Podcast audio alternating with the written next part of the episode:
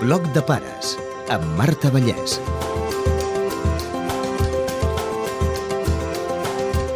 Avui parlem de l'autisme, saber de com ens podem comunicar amb els nens i les nenes que viuen en un món aparentment molt més senzill que el nostre. Ens hi acostem amb la psicòloga Noemí Balmanya, especialitzada en trastorns de l'espectre autista, i també amb la Teresa, la mare d'en Gerard. Siempre solo abrazado al miedo, escondiendo la vida al calor. Què és l'autisme? Són persones que tenen dificultats amb tres dimensions bàsiques. L'àrea de la comunicació i la interacció social i l'àrea dels interessos i la conducta. I què el causa? La cosa és una condició genètica, per això és important tenir referències d'antecedents familiars que no sempre en refereixen, però sí que descriuen maneres de funcionar o tarannàs. Però la causa no és un estil de criança ni un estil parental en absolut. Condició genètica multifactorial que no coneixem. Bueno, sabem ara que, per exemple, l'edat de les mares a l'hora de concebre els fills sí que té, igual que el dels pares, eh? l'edat dels pares sí que està lligada, és a dir, mares molt grans, hi ha un major risc de tenir un nens dintre de l'espectre de l'autisme. Com detectem que hi ha un problema? La manera que tenen de relacionar-se amb els seus iguals, amb nens petits, no s'ajusta per la seva edat. Els hi costa la iniciació o els hi costa mantenir la interacció, perquè ho fan d'una manera inadequada o perquè se centren més en un interès i no els saben, no els saben compartir. També relacionada amb la comunicació serien dificultats per tot el que fa referència a la comunicació no verbal, el contacte ocular o la comprensió de les emocions o la comprensió de la gestualitat. A quina edat es pot fer un diagnòstic? Retard de l'inici de la parla, dificultats amb l'inici del joc simbòlic i el de no senyalar per interès o no seguir-te la mirada dirigida quan tu et refereixes a alguna cosa, són aspectes del desenvolupament, marcadors biològics que cal començar a treballar i veure com va evolucionant, fer un seguiment d'aquest nen. S'ha de ser precabut, tu pots donar una impressió diagnòstica, però amb 3 anys, si s'ha anat treballant i agafes una bona història clínica i agafes una bona dades descriptives de com funciona el nen, pots fer un diagnòstic 3, 4, sens dubte 4 o 5 anys és l'edat molt fiable. Depèn de l'edat, és a dir, amb l'autisme una cosa que ha costat molt quan el diagnòstic ha sigut que els manuals que teníem per poder consultar es basaven en uns criteris que tenen validesa en un moment i potser no en un altre. Llavors, famílies que eh, els nens tenien unes dificultats però consultàvem 6-7 anys no complien criteris, però perquè s'ha devia de fer referència quan tenia 3 o 4. L'autisme és un trastorn del desenvolupament. Dificultats es mostren des de sempre, però hi ha aspectes, és a dir, nens amb 12, 18 18 mesos, tu poden haver-hi signes d'alarma. El retard del llenguatge, el no senyalar per compartir, no per demanar, el que no iniciïn joc simbòlic amb 18 mesos, però això no són signes necessàriament que et portin a tenir un diagnòstic d'autisme posteriorment, però sí són signes d'alarma d'un retard, això sens dubte, i que s'ha de començar a treballar. Sovint són nens que tenen determinades manies o conductes estranyes. Són nens que els hi molesten els sorolls, o posen coses molt fortes. Xupen els objectes o els altres els oloren, molesten les aglomeracions, és a dir, són alteracions sensorials diverses. Un altre aspecte relacionat amb les sensacions seria l'autoestimulació. Necessitar durant molta estona fer una mateixa activitat. També poden tenir manierismes i conductes repetitives. No aguantaven cap soroll, no podies acostar-te enlloc. Tallar els cabells, jo els hi tallava dormint. Tallar les ungles dormint. Era impossible tallar-li els cabells, tallar-li les ungles. Suposo que per ell era una agressió. Penso que és una de les coses perquè he sentit altres pares que hi ha nens que els hi passa. Per lo que sigui, com que no t'ho poden dir-ho, és algo que no poden, com sorolls. Ara passes per puestos i no passa res. Abans passar pel costat d'un soroll, d'algú. Ja un tros lluny ja se't retenia, ja et tiraven darreres, ja se t'agafava. Dius, però què passa? Ara no l'aguanta el soroll, però és capaç de passar-hi. Sometimes I wonder where I've been,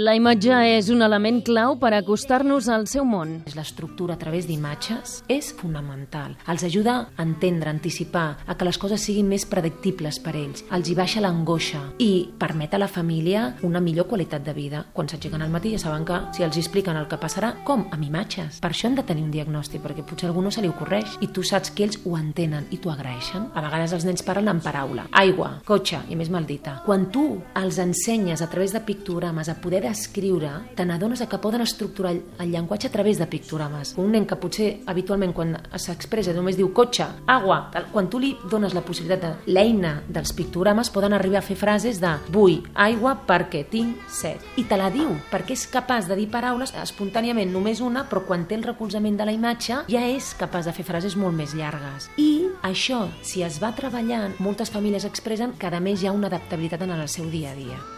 Hi ha casos agreujats amb retard mental. Vol dir que ja de base hi ha unes dificultats intel·lectuals per comprendre, per expressar i per poder funcionar. Però també és veritat que nens amb retard mental i un autisme es poden fer moltes coses. I és important tenir el diagnòstic de TEA i no purament de retard mental perquè explica que si a vegades no fa coses no és perquè no pugui, sinó per la part de l'autisme. I si tu treballes l'autisme, podrà millorar. És el cas del Gerard, té 15 anys i autisme sever. La Teresa ens explica com és el seu fill. És un nen molt dolç, té molt bon caràcter. Si tu el saps portar, és un nen que et dona alegries dintre dels problemes que té, perquè ell et dona una abraçada i et pot passar qualsevol problema del que tinguis. Es sembla que noti que tu tens un problema i que te'l tregui d'alguna manera. De petit ja van veure que alguna cosa no anava bé. Als dos anys, que jo vaig començar a veure que de cop el cridava i no em mirava. Van dir que podia ser que fos sord. Li van fer proves, va sortir que no. La psicòloga el tenia una vegada a la setmana i mai directament va dir-me què tenia. Deixava anar coses, si ell eh, estessis dos dies sense veure'l, no et reconeixeria. Clar, ara sé què vol dir això. Però en cap moment em va dir el nom. Jo he arribat a la conclusió, amb els anys, que en aquell moment encara era com tabú dir el nom d'autista. Per què de cop no t'entén res del que diguis? Dius? Per què de cop no et mira a la cara? Sempre té el cap avall i tu li dius coses i com si no hi fossis. Era impossible d'entendre-la. Però com pot ser que pugui haver fet aquest canvi? No havia parlat mai, això és cert. Era molt mogut. Ell va començar a caminar i va ser córrer. Ell en el parc era escapar-se pel cantó que fos. Van ser molts anys abans de tenir la certesa i de posar nom al problema. Fins per allà als 8 anys. No era clar que hi havia un problema i que, a més a més, era un autisme i, a més a més, sever, en retard mental. No t'arregla res perquè el problema hi tens igual, però vas com més guiat, doncs ja sé cap on lluitar. A tots ens va marcar molt per això, perquè vam passar des dels dos anys que vam començar fins als 8, una incertesa de no saber què estava passant. Teresa, com és el món d'en Gerard? Ha de tenir unes pautes posades perquè ell es pugui centrar en on està i com està. Perquè si no les té, llavors aquell món està perdut. Té un rellotge i amb això ell sap l'hora que està que llevar. Llavors això l'ajuda a guiar-se amb el temps. Li serà igual que li digui que es lleva a les 8 com que es llevi les dues. Però ell l'hora que li dius mirarà el rellotge. No sap l'hora, però sap que aquella hora que li has dit és l'hora de llevar-se. Segons a on ell esmorza, sap si va a col·legi, si és dia de festa. Amb això ja es guia. Llavors ell està molt més tranquil. Després hi ha doncs, la pauta de si va al col·legi doncs, al cotxe, el puesto que passes, totes les coses més o menys que fas cada dia, que com més gran es fa, per sort, es torna més flexible i pots variar una mica de cosa explicant-li, pots variar una miqueta i ho va acceptant.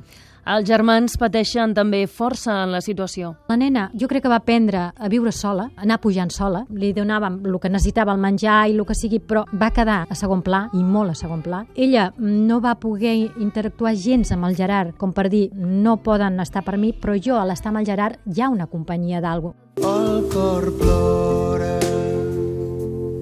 i el teu món s'ensorra en aquests anys hi ha hagut moments de molta desesperació. Els quatre que vivíem estàvem cada un per nostre costat. El Gerard i jo, suposo que el ser la mare, anàvem d'alguna manera junts i els altres dos cada un anava perdut, físicament i psicològicament. Estàvem gastats per tots costats. La veritat és que hi va haver moments molt durs. Suposo que si no ens vam separar va ser perquè hi havia la nena i vam aguantar doncs perquè, aviam, jo penso que ni ens ho proposàvem perquè era tant el caos que no sabíem per on sortir-se'n. A casa doncs era una forma de viure que no sabíem què fer i llavors entre nosaltres tampoc ens enteníem i no enteníem el nen ni ell ens entenia nosaltres. Jo ho veia que els que sobràvem amb l'aspecte de que tot pogués potser portar una vida més normal era o el Gerard i jo, perquè el Gerard sol no podia marxar. Si havia de desaparèixer, havia de desaparèixer.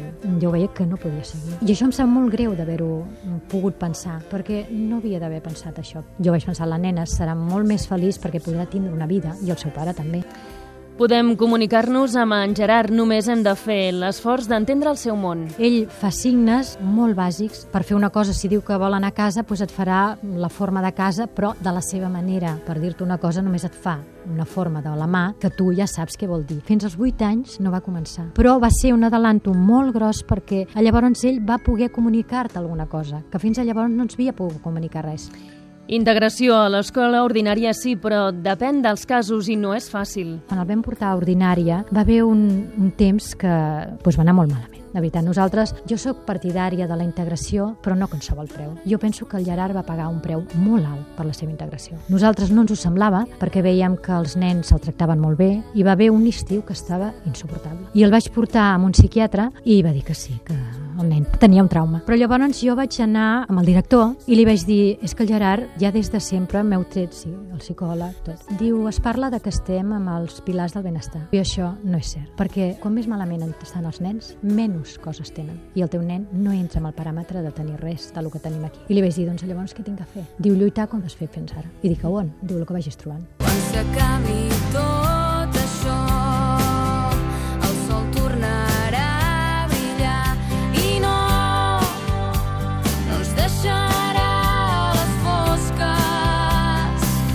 En la vida d'aquests nens, cada petit avenç és un pas de gegant. La que recordo més és que ell no va fer un petó fins als 6 anys. I estàvem a la consulta d'una psicòloga i va agafar un nino del Miqui i li va fer un petó. Vam quedar el seu pare i jo, no m'hi ha fet mai, perquè inclús quan era petit, quan un nino el tombava de cara per avall. No podia la veure la cara d'un nino. Tots els ninos els tombava al revés. I encara ara no sabem, suposo que dintre de l'autisme, és que la cara pues, era algo que li molestava. Als 6 anys que agafés un nino i li fes un petó, bueno, és que va ser, i a més li va sortir natural. Escriure li costa molt i fa poc que els pares d'en Gerard han descobert que sap llegir. Li costa molt escriure, molt, ho fa amb lletra en mayúscula, però li costa molt. Però si tu li dius, posa el teu nom, el posarà. Però si un li diu, com et dius, escriu-m'ho, no ho farà. No entén el que és. La veritat és que per nosaltres va ser una cosa de molta alegria pensar que encara que tingui un retard mental no està res tancat, que hi pot haver possibilitats de coses. En aquest moment no perquè sàpiga llegir, pots dir, perquè podries dir, ostres, ara sap llegir, ens podrà transmetre moltes coses. No, aquest cas no hi és perquè doncs, ell tampoc sap transmetre-les. A lo millor doncs, pot veure també escrita una cosa d'una manera i l'entendrà, però si li canvies d'una altra manera ja no l'entendrà.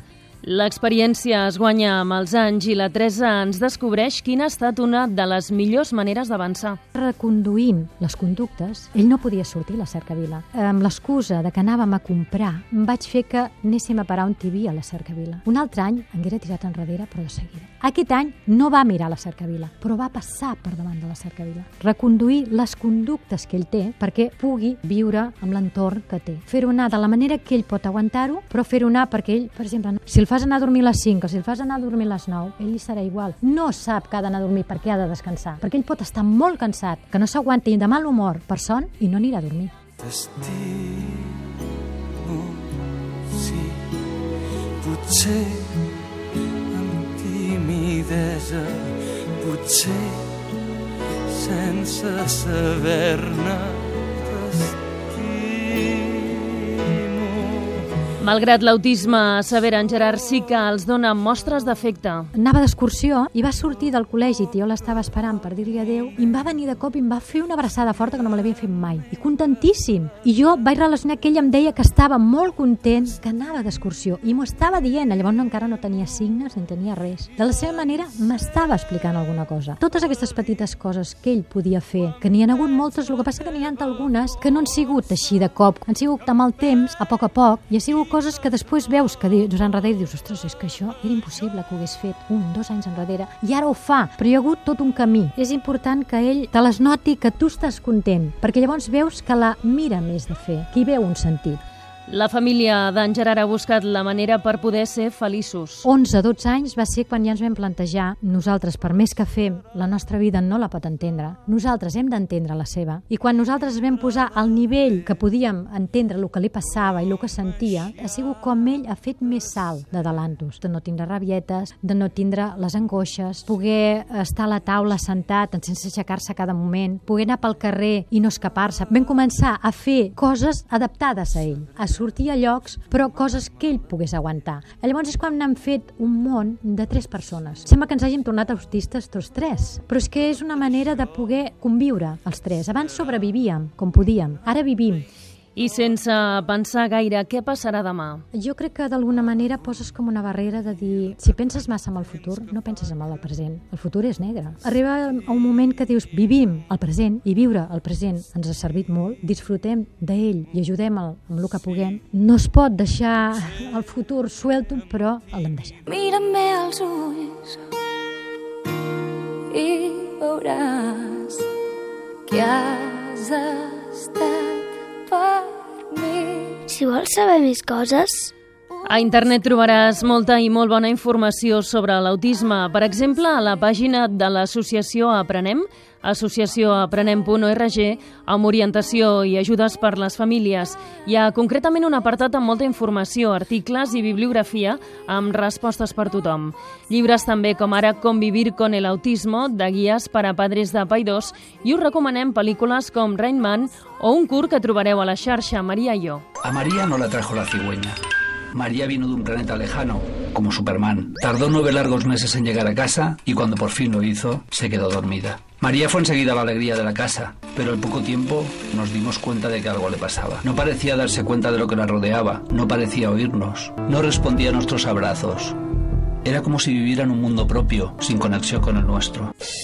Nuestro mundo sigue siendo muy complicado para ella, así que necesita ordenarlo para vivir en él. En su cabeza, La Teresa parla als pares que tenen la sospita o la confirmació d'un fill amb autisme sever.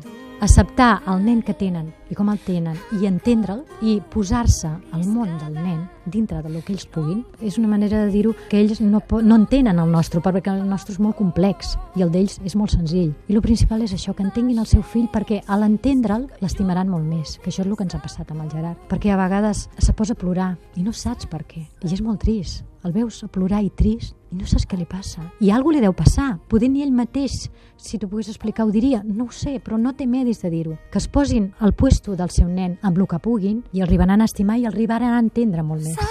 Segur